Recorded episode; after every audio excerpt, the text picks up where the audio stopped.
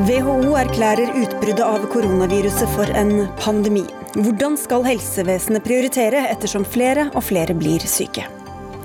Trine Skei Grande trekker seg fra regjering og fra vervet som Venstre-leder. Allerede står det flere klare til å ta over. Oslo Frp vil at Norge skal være et patriotisk fyrtårn i verden. Lærte vi ingenting av 22.07, spør en Utøya-overlevende. Et forsøk på å skitne til en seriøs og viktig debatt om innvandring, svarer Frp. Og Woody Allens selvbiografi ble stanset pga. overgrepsanklager. Høyst kritikkverdig, mener kommentator.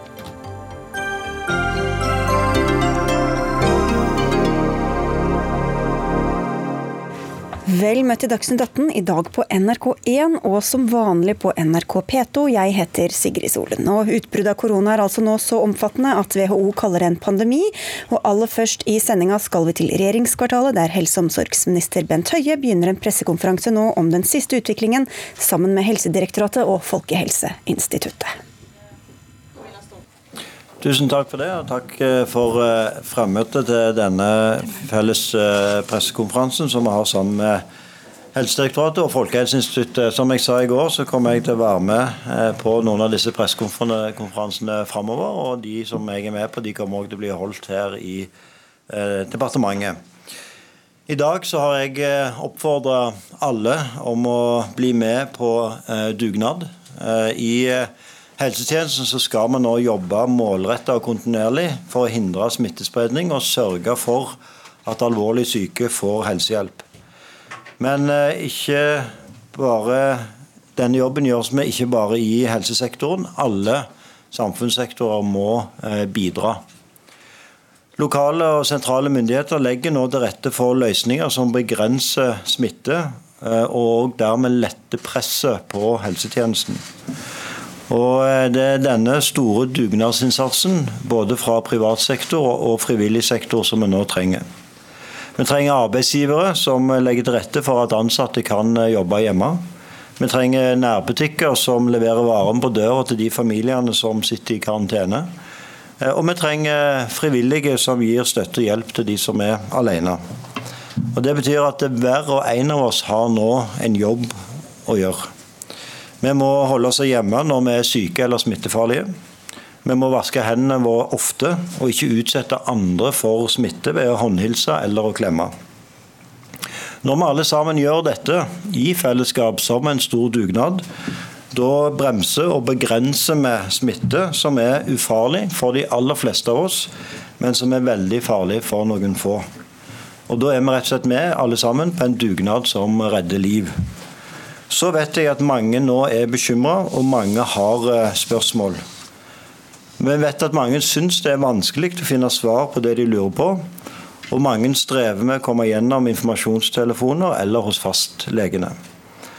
Og til de så vil jeg si at Vi skal øke kapasiteten på informasjonstelefonen, sånn at eh, flere får svar. Og Vi skal òg sørge for tydelige og klare svar på de spørsmålene mange har. Jeg vil òg anbefale veldig mange å bruke de informasjonssidene som er på helsenorge.no, på Folkehelseinstituttet og på Helsedirektoratet sine hjemmesider. Der finner en svar på veldig mange av disse spørsmålene. Og Jeg må igjen innstendig be om at folk ikke ringer 113 for å spørre om spørsmål om denne sykdommen, og at de ikke ringer legevaktnummer uten at de faktisk har behov for helsehjelp. Spørsmål det må en ringe informasjonstelefonen eller søke og finne på de nettstedene som er. Og så har jeg et viktig budskap til alle i tida som vi nå går inn i. En må huske at de som jobber i helsetjenesten, de gjør en stor og utrolig viktig jobb for oss alle sammen. De er i en situasjon der de må prioritere det som er viktigst, og det viktigste og de aller sykeste først. Derfor må noen av oss andre nå akseptere at vi må vente. Og Det er òg en del av den dugnaden som vi nå skal eh, starte eh, på. Jeg opplever at det er en veldig god og positiv respons på de tiltakene som kom i går. De rammer mange mennesker, har stor betydning ikke bare det at folk går glipp av hyggelige opplevelser og fotballkamper, men det er bedrifter som risikerer å gå konkurs. Folk som ikke får betalt huslånene sine fordi tiltakene er så inngripende. Eh, og Det forteller òg mye om eh, alvoret i situasjonen eh, og betydningen av at vi innfører disse tiltakene på de tidspunktene fagmyndighetene våre mener er de riktige tidspunktene. Fordi dette har store konsekvenser for folk. Men på tross av de store konsekvensene så ser vi at både idrettsforeninger, kulturinstitusjoner, kommuner, eh, ordfører, lokalpolitikere stiller opp og gjennomfører nødvendige tiltak eh, og er med på denne store dugnaden, og det er jeg veldig takknemlig for. Nå er det sånn at eh, Camilla Stoltenberg, direktør på Folkehelseinstituttet, skal si noe om hvor vi er henne nå, og deres vurderinger. Og så vil eh, Bjørn Gullvåg, helsedirektøren, eh, som eh, leder dette arbeidet, si mer om hvilke tiltak som nå gjennomføres på bakgrunn av den situasjonen som Folkehelseinstituttet vurderer vi nå er i. Vær så god, Camilla Stoltenberg. Takk. Generaldirektøren i Verdens helseorganisasjon, Tedros, har i dag erklært eh, epidemien som en pandemi. Eh, nå er det rapportert om tilfeller av smittede i 105 land, og samlet er det rapportert om mer enn 142 000 som er smittet og registrert som smittede, og over 4000 dødsfall. I Norge har 489 personer testet positivt på koronavirus. Og det siste døgnet har ytterligere 120, nei, 212 personer testet positivt på koronavirus. Altså en kraftig økning i løpet av siste døgn. Gjennomsnittsalderen for de som er smittet og registrert som smittede i Norge, er 46 år. Og omtrent en tredjedel er kvinner og to tredjedeler menn. Mens hovedvekten av de som har testet positivt tidligere har kommet fra Italia, så ser vi det siste døgnet en kraftig økning fra Østerrike. De aller fleste personene som har testet positivt på koronavirus, er enten smittet i utlandet eller er nærkontakter til disse. Vi forventer nå en relativt skarp økning i antall rapporterte tilfeller fremover. Vi har også avdekket smitte i samfunnet som ikke kan spores ut av landet. Det er en ny situasjon. Det betyr at det pågår spredning av viruset som vi ikke har oversikt over. Testaktiviteten er betydelig økt, og Kriteriene for å bli testet er utvidet, og testen inngår nå også som rutinetest i testpanelene på stadig flere laboratorier i Norge. Og Det er også slik vi har oppdaget de tilfellene som ikke kan spores ut av landet. Vi regner med at vi vil oppdage flere slike tilfeller i dagene og ukene som kommer. Etter hvert som flere laboratorier inkluderer covid-19 som del av sine tester for alle luftveisinfeksjoner. Vi forventer flere innleggelser i dagene og ukene fremover, og også etter hvert flere som trenger intensiv behandling. Og vi må også forvente dødsfall i tiden som kommer.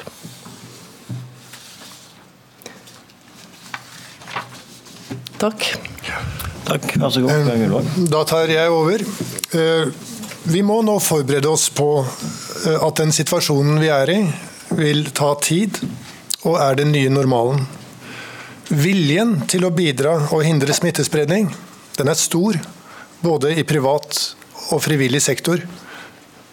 Naturligvis også i det offentlige. Det er jeg veldig glad for. Vi har laget gode planer for de konkrete utfordringene vi står overfor nå. Men uansett hvor mye vi planlegger, så vil vi ikke greie å forutse alle problemer. Noe må løses underveis, når det oppstår. Derfor er det viktig at både lokale og statlige myndigheter er fleksible og legger til rette for løsninger.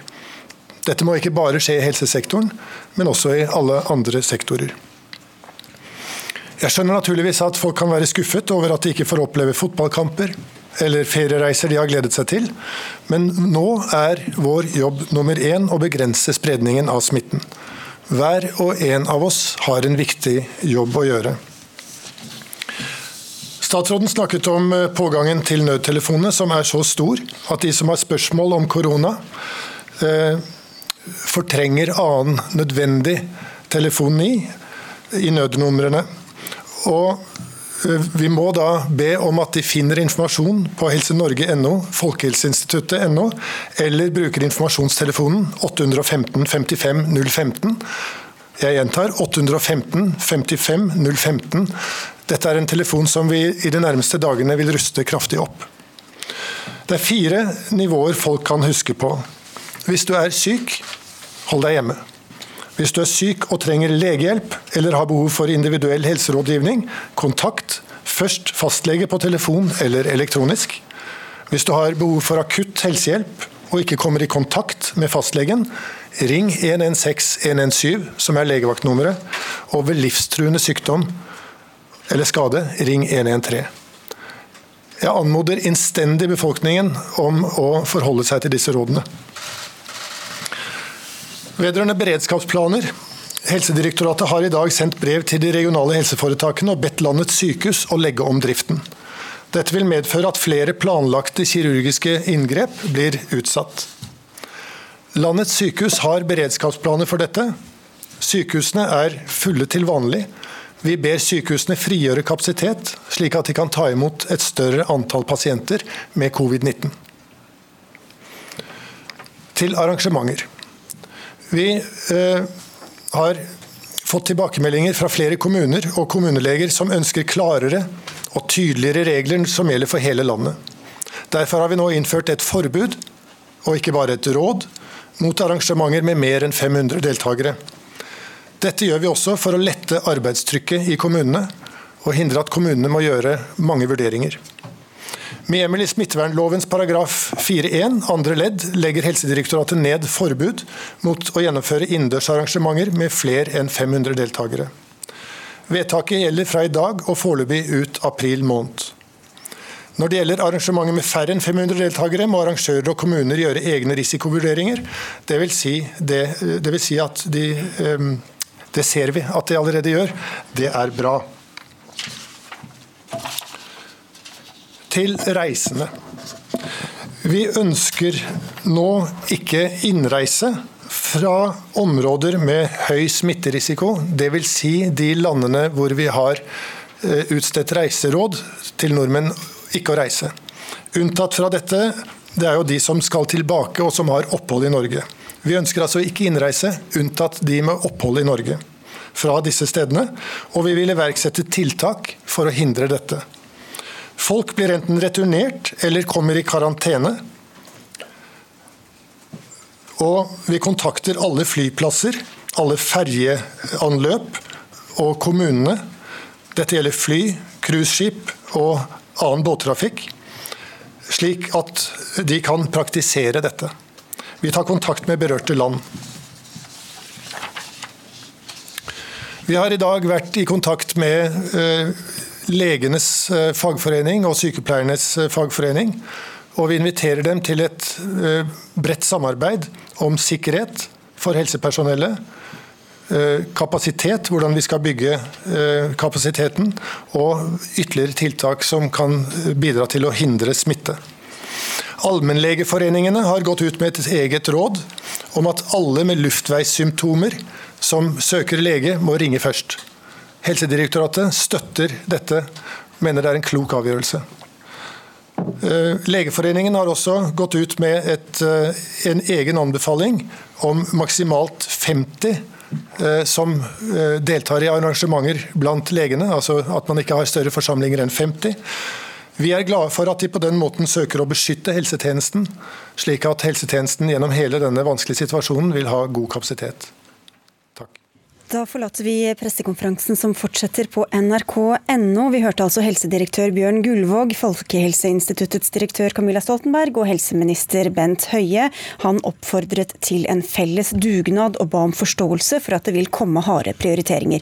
Det skal vi straks komme tilbake til, men først Espen Rostrup Nakstad, du er overlege og forsker ved akuttmedisinsk avdeling ved Oslo universitetssykehus. Denne voldsomme økningen i smittetilfeller som Stoltenberg eh, forklarte eller fortalte om, hvor alarmerende er det? Du kan si Det som er litt alarmerende, er at vi har sett i andre land, og nå senest i Italia, at eh, i det øyeblikket du får en ukontrollert spredning i befolkningen, Dvs. Si mange smittetilfeller som man egentlig ikke kan spore tilbake til en kilde, så går det erfaringsmessig en ukes tid, og så får du et kraftig oppbluss. Mm. Um, og den, den, kurven kan være eksponentiell, dvs. Si at den går raskt oppover. Uh, og da er det veldig viktig å være tidlig på for å begrense den eh, stigningen så mye som mulig. Mm. Så det, Dette er jo tiltak nå som eh, kommer absolutt på riktig tidspunkt. Eh, det er nå denne type tiltak vil ha god effekt. Og det er veldig lurt å iverksette det i dag og ikke om en uke. Mm. I går sa helseminister Høie at norske sykehus må planlegge for en middels pandemiscenario, der kanskje 5500 personer kan få intensiv behandlingsbehov. På debatten i går på NRK1 så sa du at Norge har rundt 400 intensiv sengeplasser. Det betyr at du og mange må gjøre ganske brutale vurderinger og prioriteringer i tida som kommer. Hvordan forbereder helsevesenet seg på det, både mentalt og praktisk? Det har blitt jobbet både i helsetjenesten og for så vidt også blant helsemyndigheter og andre nå veldig hektisk siden januar faktisk med dette.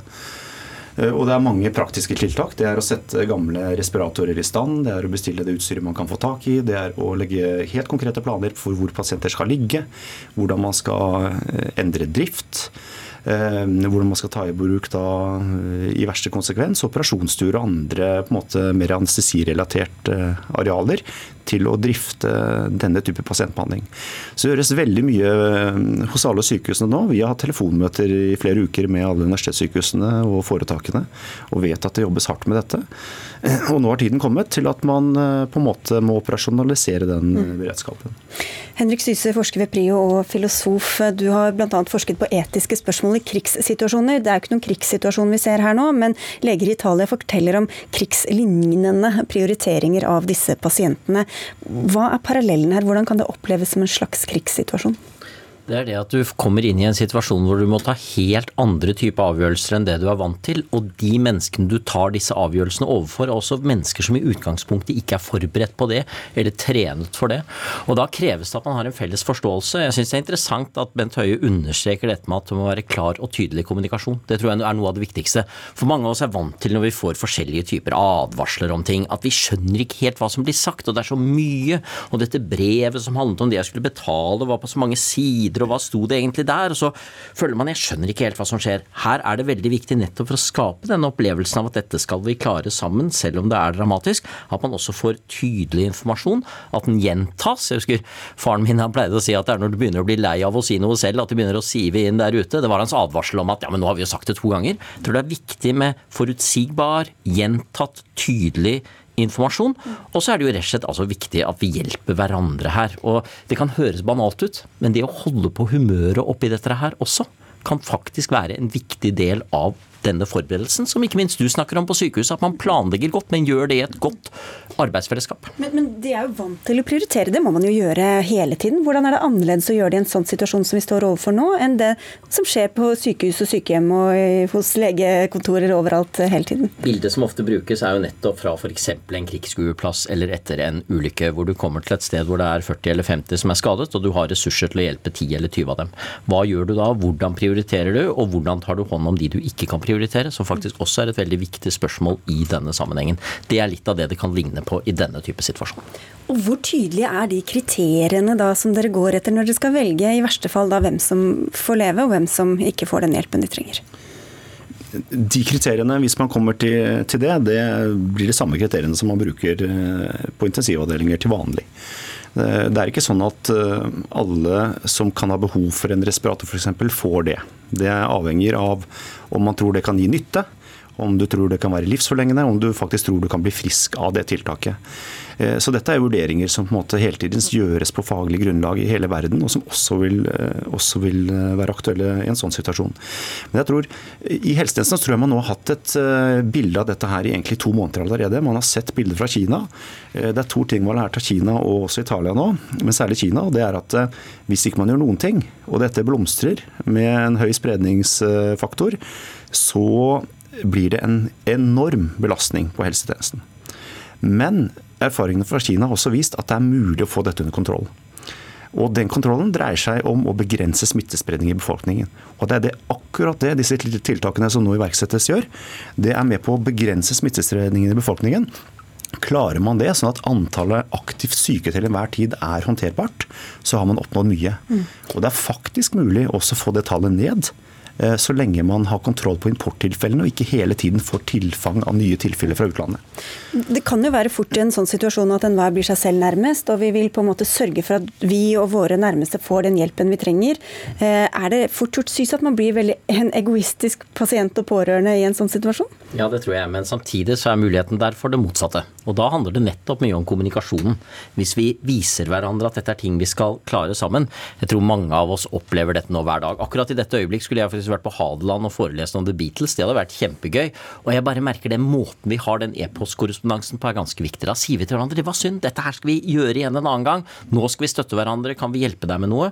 Jeg syns jeg ser en del av den stemningen rundt omkring nå blant folk som er ganske lei seg. Noen mennesker mister jo inntektsgrunnlag. Hvordan er vi der for hverandre? Så dette er eh, noe vi faktisk må ta på alvor. Hva er vår mentale innstilling stilt overfor dette?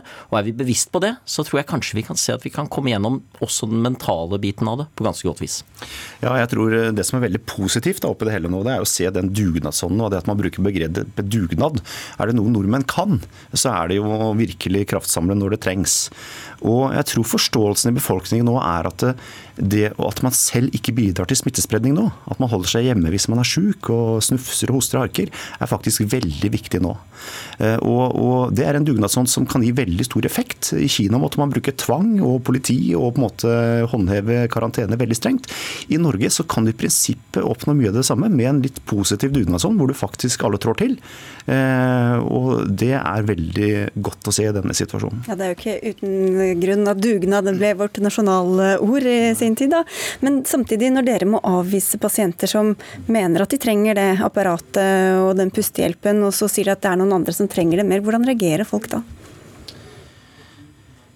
Du kan si at På sykehus og de som driver med og jobber med veldig syke mennesker, de, de er oppe i sånne problemstillinger hver dag. Eh, det er på en måte en profesjonalitet rundt det som gjør at eh, selv om det virker veldig skremmende i media, så, så er det for så vidt, og det så vi 22.07 også, noe som håndteres veldig profesjonelt på sykehusene. Eh, overraskende profesjonelt, faktisk. Det som bekymrer rundt helsetjenesten nå, det er det at vi har de mangelsituasjonene vi har hatt egentlig i mange måneder og år på en del utstyr. Skulle vi få et stort utbrudd i USA nå, så kan det være at det blir en lockdown på eksport derfra. Det vil ytterligere skape problemer. Men hvis kineserne får kontroll, så vil det si at vi kan sannsynligvis få produksjon fra Kina igjen. Så at dette er et veldig usikkert bilde. Og bekymringen i spesialisthelsetjenesten og primærhelsetjenesten tror jeg nok knytter seg til dette å mangle smittevernutstyr. Det jobbes det på full eh, fart med, og har blitt jobbet med i mange, mange uker. Eh, det er det ene. Eh, og det andre er dette med kapasitet. At det kan bli hektiske dager og måneder framover hvis ikke vi får ned smittetallene. Og NRK følger situasjonen eh, tett på alle plattformer. Takk skal du ha, Espen Rostrup Nakstad fra Oslo universitetssykehus, og til deg, Henrik Syse, som et lite glimt av lys da kunne være med i Dagsnytt 18 i stedet for å være med der du egentlig skulle. Takk skal du ha.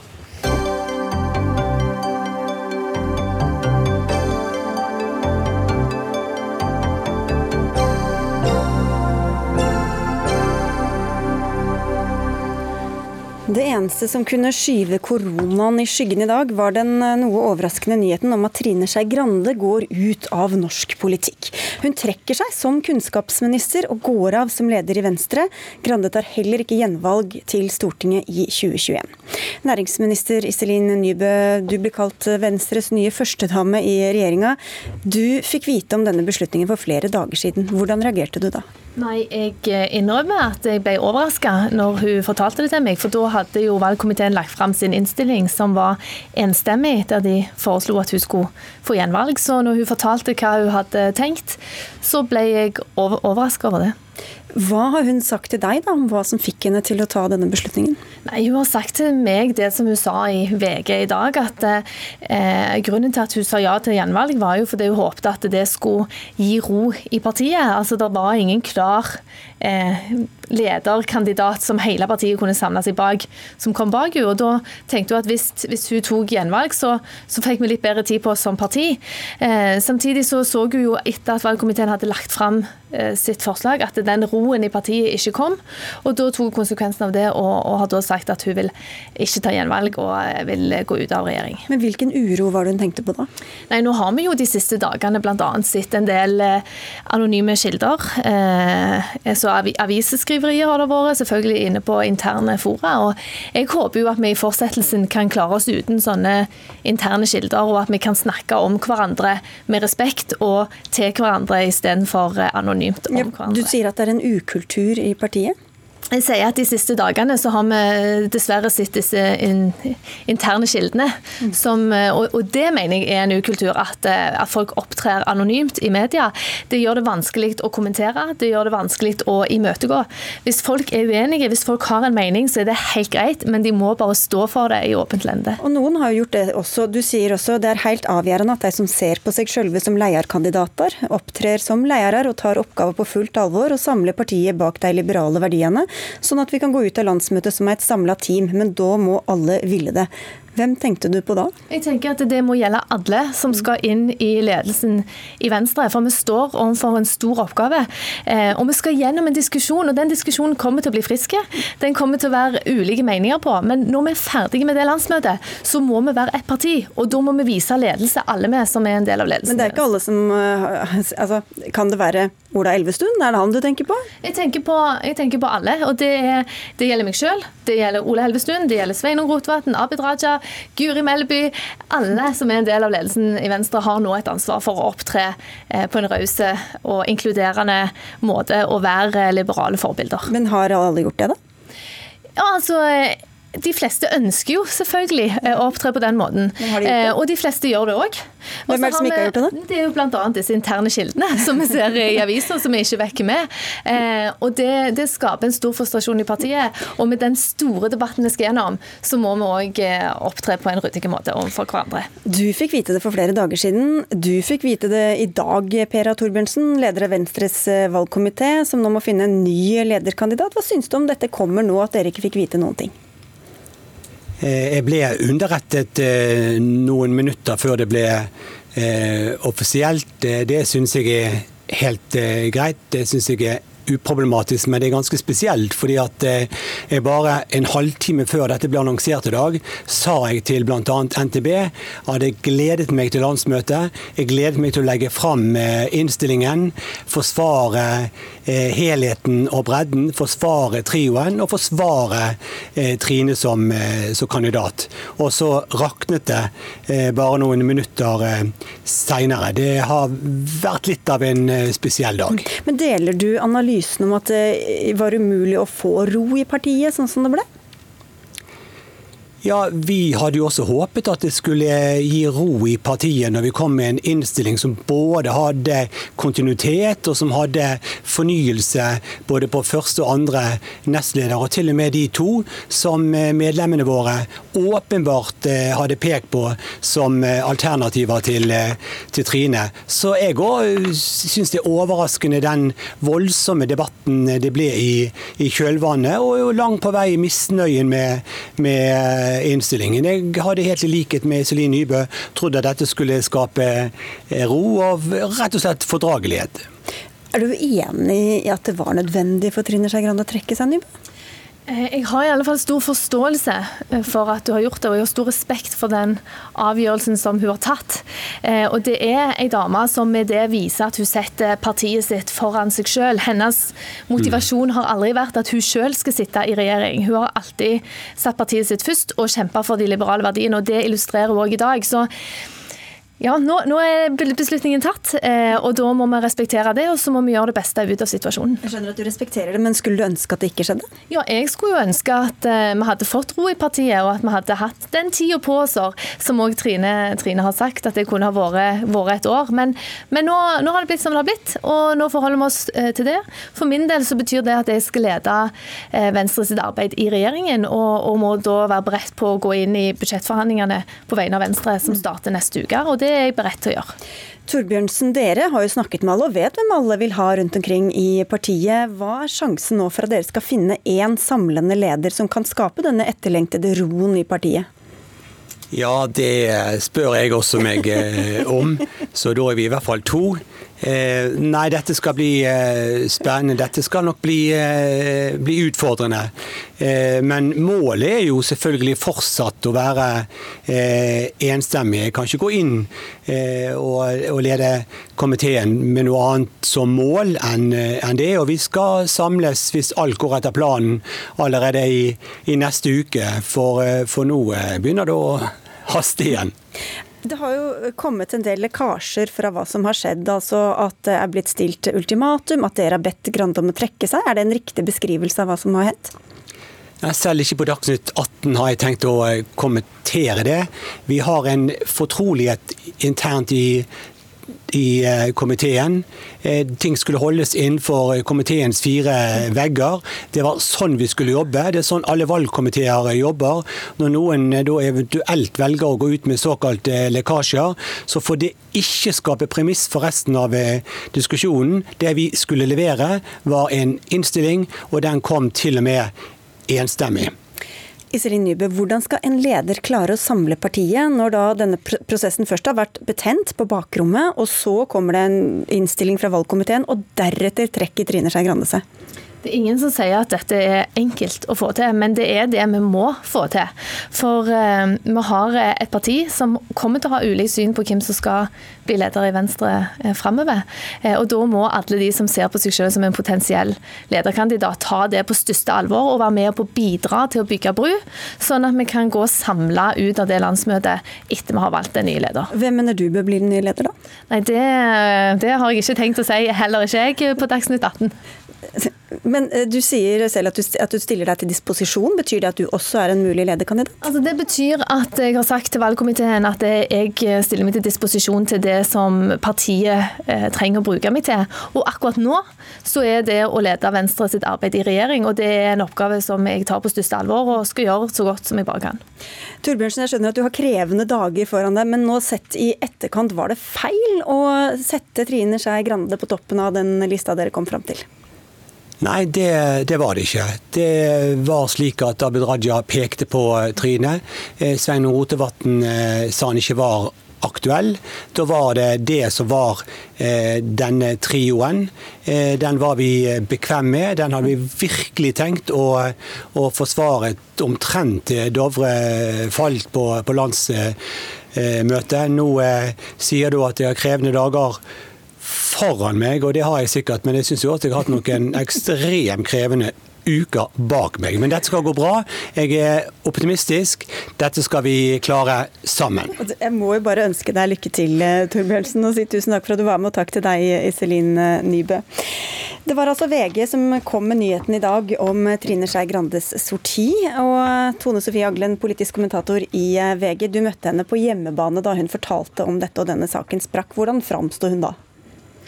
Nei, Jeg vil si at hun framsto letta. Hun har tatt en uh, vanskelig beslutning som uh, garantert ikke har uh, vært enkel. og jeg har også det inntrykket at, at det var noe som har skjedd i helga. At hun så at Eh, hun hadde et ønske om å levere fra seg partiet samla og i god stand. Det tror jeg er veldig menneskelig.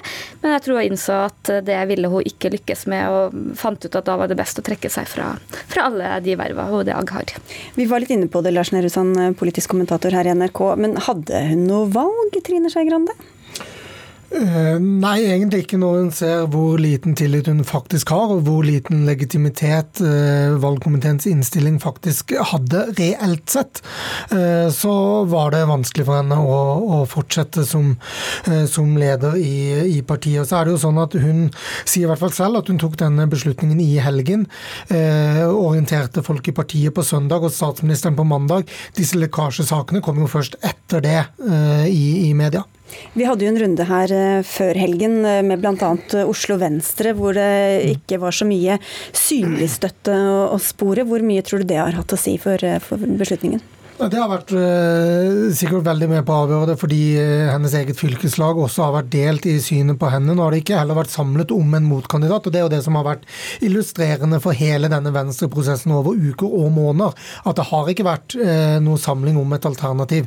og det har jo vært Grandes argument, og nå holdt ikke det heller. Og da var det for henne å, å, å kaste kortene, og, og valgkomiteen må i arbeid i, igjen. Ola Elvestuen eh, var eh, ikke så fornøyd med at han ikke fikk fortsette i eh, regjering, Aglen, og sa at han ikke utelukket å kunne stille som kandidat også til ledervervet. I tillegg så har jo da Nybø sagt at hun stiller seg til disposisjon, og Abid Raja og Sveinung Rotevatn er veldig sannsynlige kandidater også. Hvordan vurderer du hva som er det mest sannsynlige utgangen av dette? Nei, det er jo veldig vanskelig å spå. Eh, nå blir jo hele den kabalen eh, lagt på nytt. Og sjøl de som kjenner partiet ut og inn, sier jo at de ikke er i stand til å, til å forutse hvem som eventuelt vinner hvis det er en åpen kampvotering i dag. Jeg tror nok at eh, Sveinung Rotevatn er den som har et forsprang. Jeg tror også at de som støtter han er bedre organisert og bedre forberedt. Men så vet vi også at Abid Raja møter veldig mye entusiasme ute i landet. Hvis han setter seg som mål å bli ny partileder, så skal vi ikke se bort fra det. Men så er det også en X-faktor. Eh, nå vil jo Iselin Nybø lede regjeringens arbeid, få mulighet til å vise seg fram mye mer. Eh, det samme vil eventuelt en ny statsråd. Det kan kanskje bli Guri Melby, og det, kan, det, det snur seg fort til venstre, så det kan være helt andre som kan framstå mer samlende. Vi fikk jo litt vondt av lederen av valgkomiteen her, eh, Lars. Han har ikke hatt noen, eller de har ikke hatt noen særlig enkel jobb. Hvordan skal de klare å komme, med, komme fram til én kandidat nå med det vi ser nå? Litt avhengig av hvem som stiller og hvem som eventuelt måtte trekke seg og sånn, men det er ikke, tror jeg, lenger gitt at det å komme med en samlet, enhetlig innstilling nødvendigvis er det beste. Kanskje er det som gir mest legitimitet til den lederen som skal ta dette videre, og har vunnet en, en real åpen votering, og at man er enig om det fra det startskuddet som da blir når, når et slikt resultat er klart. Kanskje er det Venstre nå trenger, å selv ta ansvar, at organisasjonen i fellesskap fellesskap gjør det. Og det gjør man kanskje best ved en åpen votering og en ærlig og redelig avstemning på et landsmøte i full åpen bredde. Så vil det sikkert gjøre noe vondt eh, frem til det møtet blir avholdt. Det er jo spennende i seg selv når det, når det kan bli på kalenderen. Eh, men, eh, men, kanskje er det det som, som vil også hjelpe den lederen som overtar. For selv om det ikke er samling om en leder før et valg, så kan en leder som blir valgt med et solid flertall, være samling samlende etterpå. Eh, og, og kanskje Venstre må se mest mot det, og, og tåle at det fortsatt, eh, selv der vi står nå, blir litt verre før det blir bedre. Ja, for Det var jo kritikk også mot at det ble lagt lokk på denne prosessen fra i hvert fall Unge Venstre. Men eh, Tone Sofie Agle, nå går altså Trine Skei Grande ut eh, fra toppvervene i, i, norsk politikk. Hva vil du si at hun har betydd både for Venstre og for politikken ellers? Nei, Jeg tror nok eh, det er lett å undervurdere det hun har eh, betydd for partiet. Hun første så har hun jo vært en veldig synlig Oslo-stemme lenge før hun kom inn i rikspolitikken. Hun har jo faktisk fått partiet over sperregrensa to valg på rad. Og i Venstre så er jo det en bragd i eh, nyere tid. Og så må vi jo heller ikke glemme at hun var særdeles viktig for å få Venstre inn i regjering. Også det gode samarbeidet som har vært mellom henne, Erna Solberg og Frp-leder Siv Jensen har nok også betydd mye for å sy det regjeringsprogrammet prosjektet sammen. Så det er ikke bare i Venstre, men også i regjeringa at det blir litt nye tider nå. Ja, Rett før vår sending så holdt Erna Solberg en pressekonferanse hvor hun roste Trine Skei Grande. Lars, hva får det å si for, både for Solberg og for regjeringa ellers? Det å miste så solide støttespillere for en statsminister, dette er snakk om en partileder og en politiker som da har vært med fra før de fire partiene begynte å samarbeide, var med i sonderingene i, i Nydalen i 2013, har vært med hele regjeringens liv og, og kjenner eh, vurderinger og, og, historikk. Det er selvfølgelig eh, krevende for statsministeren å miste en sånn støttespiller i et sentralt regjeringsparti. Det eh, kommer ingen forbi. Og, og, også menneskelig så tror jeg de, de fire partiene partilederne som startet dette samarbeidet. Nå er jo to av dem ute, og, en tredje ute av regjering. Ehm, eh, så, er det menneskelige relasjoner som, betyr mye i politikken. og Derfor er dette en, eh, viktig dag i norsk politisk historie. Eh, at Trine Skei Grande er ferdig som partileder, både for Venstre som parti, for Høyre og regjeringssamarbeidet til Erna Solberg, og, og norsk politikk i særdeleshet.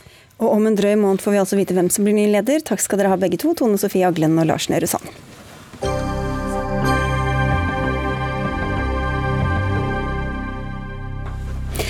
Snart ni år etter at en høyreekstremist tok livet av 77 mennesker, presterer et lokallag i et av landets største politiske partier å vedta politikk som lefler med det samme tankesettet som terroristen hadde.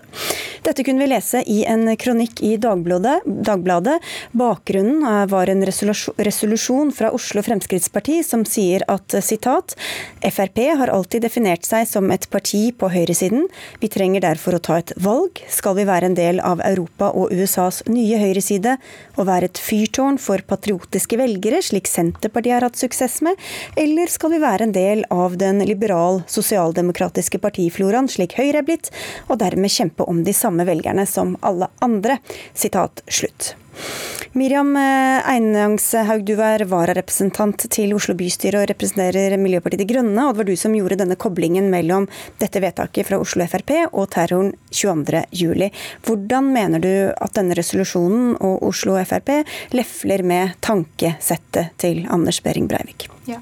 Altså, det er veldig viktig for meg å presisere aller først at uh, jeg går ikke etter alle Frp-ere. Jeg går ikke etter Frp, jeg går ikke etter um, folk som stemmer på Frp, eh, eller folk som har sympatier med Frp. Eh, det er nettopp det her, eh, denne resolusjonen til Oslo Frp som jeg går etter. og Der kan man jo bl.a. lese at vedvarende høy innvandring fra Asia, Midtøsten og Afrika har endra den demografiske sammensetninga i mange land radikalt. Og i mange lokalsamfunn har islam blitt ledende både religiøst og kulturelt. Eh, så videre eh, står det at EUs eh, e manglende evne og vilje til å beskytte egne grenser og befolkning. Mm. Det her er Eurabia-teori. Eurabia-teori er en sånn konspirasjonsteori om at Europa kommer til å bli overtatt av muslimer, og, vil, og de vil påføre oss sharialover. Og den Eurabia-teorien var en veldig viktig ingrediens i manifestet til Anders Behring Breivik. Ehm, og det manifestet er grunnen til at jeg som 16-åring måtte eh, sprenge for livet fra en drapsmann. Ja, for du var på Utøya som AUF-medlem på det tidspunktet. Ja, og det er jo også det som er hovedpoenget når jeg sendte eh, denne kronikken kronikken meg også, at jeg er først og fremst Utøya-overlevende. Vi har invitert Siv Jensen til debatten. Hun eh, svarte i kronikksform på denne opprinnelige kronikken, men hun takket nei til å komme. Du er her, Jon Engen Helgheim. Du er innvandringspolitisk talsperson på Stortinget for Fremskrittspartiet. Du skal få svare på dette med koblingen her, men er, først, er du enig med Oslo Frp i at Norge bør bli et patriotisk fyrtårn i verden, og at Frp skal bygge opp om patriotismen og verne om nasjonalstaten? Nei, altså jeg mener at eh, det er en unødvendig diskusjon å ta. Jeg mener at eh, det er FrPs politikk som ligger til grunn. Den er uforandra. Det er veldig lite diskusjon om det politiske innholdet, men noen diskuterer litt hva man skal kalle politikken. Det må man få lov til å gjøre. Men eh, jeg mener at vi står veldig trygt og godt på den politikken vi har, og som vi har hatt veldig lenge. Det er et veldig langt steg fra å diskutere en retning i et fylkeslag til det som blir dratt inn her. Det er veldig sjelden at jeg hører maken til grusomme konspirasjonsteorier som det vi fikk lest opp her nå. Her er det også både fra programlederen og fra, eh, fra MDGR så blir det lest opp fra vår eh, resolusjon. Eh, og den kan alle gjøre seg opp en mening med. Det er ingenting med det som står i den resolusjonen eller det som ble lest opp her, som er i nærheten av en Arabia-teori. Det er ingenting som er i nærheten av de groteske grusomhetene Men, som Nå kan jeg bare få fullføre det. De grusomhetene som Anders Behring Breivik har påført det norske folk, og spesielt dere som var på Utøya. Det er noe vi tar så sterk avstand fra at det er nesten ikke mulig å få uttrykt tydelig nok. Det også koble Hvis jeg kan bare fullføre. Det å koble det å ha en eh, kritikk mot innvandring å være kritisk til høy innvandring med det eh, grusomme som eh, Anders Behring Breivik gjorde, det er helt uakseptabelt. Det blir det samme som å si at alle muslimer har noe med terrorisme å gjøre, som jeg er helt sikker på at du tar avstand fra, og som du bør ta avstand fra. Jeg har aldri beskyldt dere for å stå bak terror, eh, eller å ønske å motivere til det. Og det vet jeg at du heller ikke ønsker. Men både du og jeg vet at retorikk som enkelte Altså, denne retorikken, den fyrer opp folk. Folk som har drapstrua meg, senest i dag. Jeg var på Oslo politistasjon i dag og anmeldt drapstrusler som jeg har fått pga. at jeg skrev det her. Folk som Philip Manshaus og folk som Anders Behring Breivik. Retorikk, den betyr noe. Og um, det er fullstendig mulig for dere å føre den politikken dere har uten å lefle med sånne rasistiske konspirasjonsteorier. Nå må, du, nå må, du, stoppe, for nå kommer det med beskyldninger igjen om rasistiske konspirasjonsteorier. Det er ingenting det er av det du leste opp det som, som står, Jo, det, her, det, det jeg lest opp Man kan være uenig er, eller enig i okay, resolusjonen, ja, men å, å, trekke rasisme inn i en sånn sak Det vi står fast som fjell på, det er at vi ønsker lavere innvandring til ja, Norge. Det er greit, og men, det, ønsker, okay, det er et budskap Vi snakker ikke om innvandring. Jeg skjønner ikke hvorfor du snakker om Nei, nei, nei. Vi, vi, snakker ikke om innvandring. Altså, jeg sa at det, uh, vi, vi, vi, snakker ikke om innvandring. Uh, jeg har skrevet en kronikk om retorikken til Oslo Frp i byen hvor jeg er lokalpolitiker.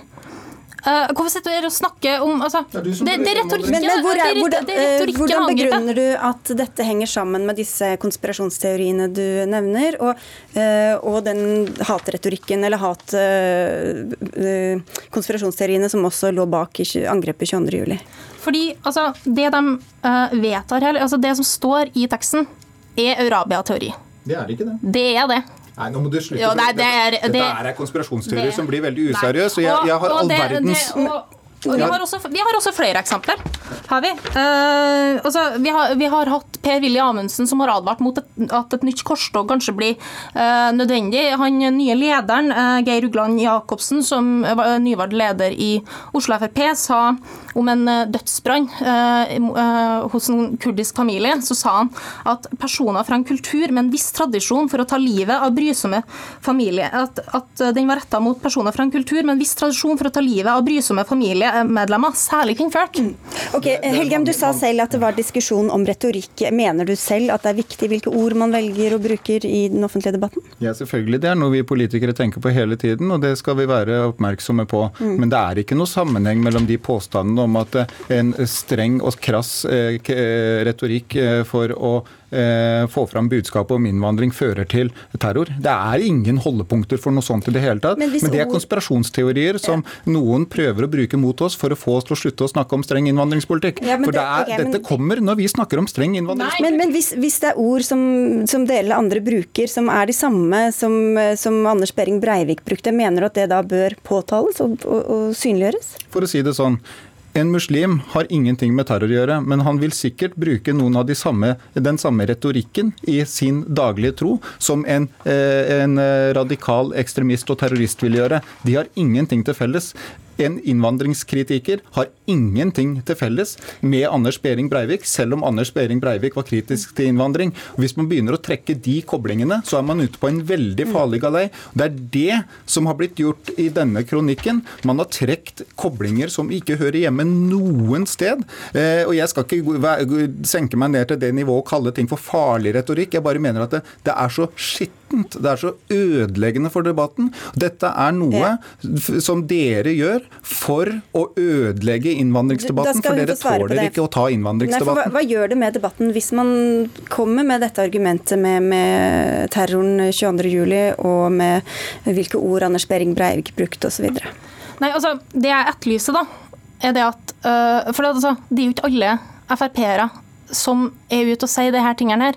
Det er ikke alle som stemmer på Frp som uh, mener de her tingene her, og det har jeg heller aldri sagt. Uh, men jeg etterlyser, jeg håper at de ansvarlige, dyktige politikerne som jeg vet om og kjenner i Frp, vil uh, komme og å, å, gå ut og si at altså, denne typen hatretorikk, det å lefle sånn med konspirasjonsteorier, det finner ikke vi å si. Ok, Dere beskylder hverandre for konspirasjonsteorier. Ja, jeg skjønner, det har du sagt. Ok, har du okay, med. Men Helgeheim, det er et spørsmål til slutt. For Hvordan skal man kunne ta et oppgjør med det tankegodset som også beviselig lå bak eh, terroren eh, 22.07, hvis man ikke også snakker om den retorikken og trekker paralleller til, til ord som ble brukt og ideologien bak? Det er mange ting vi må gjøre. Det er ekstremt viktig å bekjempe høyreekstrem terror. Det er på frammarsj, det er farlig. Det har vi sett. Og det vil jeg gjøre alt jeg kan for. Én ting vi kan gjøre sammen, det er å løfte en seriøs debatt, en innvandringsdebatt som er basert på faktagrunnlag, som er basert på seriøse argumenter. Ikke å trekke andres intensjoner ned i gjørma, sånn som noen prøver å gjøre, og okay. si det at en, en normal, sunn innvandringsdebatt er rasisme, sånn som ble hevda her. Vi må avslutte for to sekunder.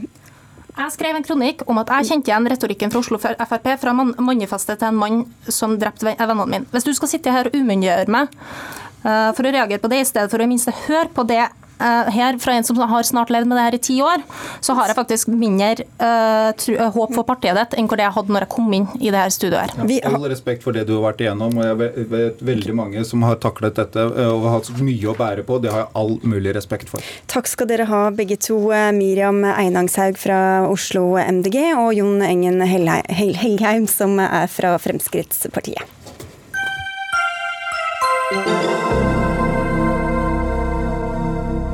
Ja, Woody Allen, bare navnet gir assosiasjoner til en rekke filmklassikere, men også til beskyldninger om overgrep.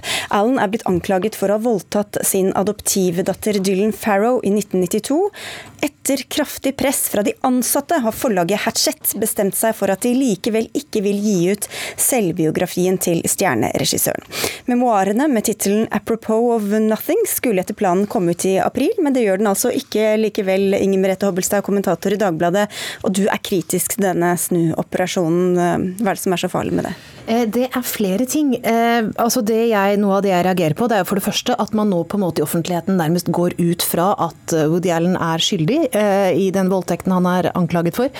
Det er ikke dermed sagt at han er uskyldig, det, det har jeg ikke noe grunnlag for å si, men, men, dette er en komplisert sak der det har vært mange motstridende stemmer. Og jeg vil si at på en måte vi som på en måte står her i offentligheten, da, eller, eller den alminnelige, alminnelige publikum, har ikke helt grunnlag for å si at det har skjedd. Men han blir likevel behandlet slik. Altså du ser Når han prøver å komme frem med sin historie, så blir det eh, demonstrasjoner og press som blir så sterkt at forlaget trekker boken. Mm. Og Det andre jeg syns er kritisk ved dette, det er jo at altså, en ting er, er dette med at, at, det skjer i det hele tatt, men det er jo også åpenbart at dette skjer først og fremst av kommersielle grunner. Altså Forlaget, eh, de som har uttalt seg på vegne av andre forlag som har sagt nei til boken, sier at de tror ikke de kunne selge den. Uh, Amazon, som har brutt en avtale med Woody Allen, de skulle egentlig distribuere uh, filmene hans, sier at de har blitt vanskelig å markedsføre. Altså dette med at det er blitt vanskelig å la den upopulære stemmen i en slik sak komme frem fordi man er redd for omdømmet sitt. Da. Det blir et PR-problem. De er feige, da? De er, de er, rett og slett feige, og de er redd for, jeg tenker at de er redd for bunnlinja si og omdømmet sitt mer enn at de tar et prinsipielt standpunkt her. Da. Og det tenker jeg er bekymringsfullt, fordi da vil det nettopp bli slik at, at, at stemmer i en sak ikke får komme frem med sitt forsvar. Ida Eliassen Cocker, du er sjefredaktør i magasinet Altså. Du sier at forlaget aldri skulle tatt på seg denne utgivelsen i utgangspunktet, men hvorfor skal ikke Alan få gi sin versjon av historien om ham selv? Eh, det skal han få lov til, og det har han jo gjort mange ganger. Han har vært på TV mange ganger og snakka om sin side av saken. Eh, han kunne også bare gitt den ut sjøl. Han trenger jo ikke det forlaget for å komme frem med historien sin. Ja, for det er mange som aldri får trykket bøkene sine, Hobbelstad. du kjenner vel opp til flere selv? Det, det, er ingen menneskerett å, å, gi ut bøker, det er helt sant. Men her er det jo også snakk om en bok som er altså for det første av en skikkelse man Jeg syns det er fair å si at det er en, bør være en interesse for da, å høre hvordan den personen øh, opplever saken. Det er sant at han har latt seg intervjue, det, det er liksom litt andre formater enn hva en, en bok og en slik beretning, hva en slik beretning er. da. Og, og for det andre er det jo det at her er det jo altså et forlag står selvfølgelig fritt til å gjøre som de vil, men vi som står utenfor står, kan jo også stå fritt til å kritisere de avgjørelsene. Og Her er det jo snakk om at man først har bestemt seg for å gi ut boken, og så rett og slett gir etter for press. Eh, og det syns jeg er rett og slett svært betenkelig. Altså jeg regner med at det, altså det, kommer til å skje eh, i flere slike saker, og, det gjør at man kanskje blir enige om at en fortelling er på en bestemt måte. Eh, at her er det et offer, og det er en som har forbrutt seg, og slik er det. Og det er liksom fortellingen vi alle regner som den offisielle fortellingen. Og det syns jeg er uheldig. Ja, Elisen Kogge, Hvordan skal vi forstå hele bildet når så sentrale personer da ikke får lov å komme med sin historie på den måten da gjennom en bok som, hvor du kan fortelle mer helhetlig enn gjennom bare et intervju? Um, altså jeg tror ikke at uh, dattera Dylan har kommet med noen bok enda heller, så sånn sett så er det vel fortsatt uh, likt. Uh, men Um, ja, ja, for han blir jo, men han blir jo straffet på en måte, selv om han da ikke er dømt for noen ting, og saken mot ham er henlagt to ganger. Uh, ja, og det er et viktig poeng uh, i forhold til det med den uh, teksten som Hobbelstad skrev i, i avisa, og der det sto at han var frikjent. og Det er en veldig viktig forskjell på henlagt og frikjent, da, tenker jeg, som vi må være litt mer forsiktige med generelt sett. Fordi det var jo um, sånn at de ikke hadde nok bevis. Eller det, det, Jeg leste også et sted i i papirene om um, omsorgsretten til ungene at um, han at de hadde egentlig nok av en sak til å, å sette fram tiltale, men av hensyn til det skjøre barnet på sju år og hennes situasjon, så valgte de å ikke kjøre den rettssaken. Eh, det leste jeg et så det er veldig veldig mye veldig komplisert sak, som du sa. Um, så det, vi vet ikke, men vi vet i hvert fall ikke at han er uskyldig. Han er ikke frikjent. Eh, jeg kan godt presisere det. Altså det som har skjedd er at har blitt, Saken har blitt undersøkt to ganger. Begge gangene så etterforskningen konkluderte med at det ikke var grunnlag for siktelse. Eh, det er vel slik saken egentlig står. Og så har det jo vært en viss kritikk mot iallfall én av de undersøkelsene. Og den kritikken er jo helt rimelig, og den kan jo komme opp igjen når man syns at kvaliteten på den etterforskningen har vært eh, god nok. Men enn så lenge så er det nok til at vi kan si at vi ikke vet hva som har skjedd, mer enn at vi kan si at her er det snakk om en, et overgrep som vi vet har funnet sted. Og hvis det bare skal være Nå, nå sa Hobbelstad her at det var jo også kommersielle hensyn, um, Eliassen uh, Cocker. Så hva skjer da med på en måte ytringsklima og bredden på det offentlige rommet som, som vi har? Ja, Det kommersielle hensynet der syns jeg jo ikke er noen god grunn til å, å skrinlegge boka. Det synes jeg ikke, Men jeg tror nok at det kan ha vært flere um, poenger inne her. fordi uh, det var jo flere dusin uh, etter sigende av ansatte som hadde gått ut, uh, gått fra jobben i protest og i solidaritet med dattera til Woody Allen. Um, så det kan hende at det er noen moralske hensyn her også, at rett og slett folk ikke kunne stå inne for det. Altså fra de ansattes side er det selvfølgelig et moralsk eh, et, eh, altså at de føler at dette er en moralsk eh, viktig ting å gjøre. Men at forlaget gir etter etter press på Twitter og fra sine ansatte, der, har det jo, der tenker jeg at det er grunn til å tenke at motivene er annerledes. Nå kan det hende at et annet forlag kaster seg på, det er i hvert fall ikke helt utenkelig. Men det er jo også en annen sak som vi må innom som kom i dag. Harvey Weinstein, altså den tidligere Hollywood mektige mannen. Han er dømt til 23 år i fengsel i dag for voldtekt og seksuelle overgrep. Hvordan vurderer du denne straffeutmålingen, Hobbelstad? Nei, Den er jo streng. Altså, den er jo oppimot det meste av det, av det, han kunne fått. Jeg vil si at det er en god ting. altså Både at han ble skyldig og at han får lang eh, fengselsstraff. Og, og, det er mye ved dette som, er, som jeg vil tro er en lettelse for de som, har, eh, altså de som er ofrene i denne saken. Altså En av måtene hvor denne dommen setter en ny presedens på, eller eh, en slags ny presedens, det er at eh, flere av disse kvinnene som anklaget ham, eh, hadde jo også hatt seksuelle forhold til ham. altså mer eller mindre frivillige seksuelle forhold etterpå. Og dette pleier å være nok til at aktorer ikke vil føre sånne saker, for da mener de at da kan de ikke, da blir det vanskelig for dem å sannsynliggjøre eh, at det var en, en voldtekt, det som skjedde, eh, skjedde først. Mens det som skjer nå, er jo at disse kvinnene har blitt trodd på at de faktisk ble voldtatt, og at det ble gjort overgrep mot dem, mm. selv om de har hatt også relasjoner til Weinstein, Weinstein etterpå. Og dette vitner om en slags sånn, at det er en slags utvikling eh, i måten man vurderer eh, vitners troverdighet på i, disse sakene.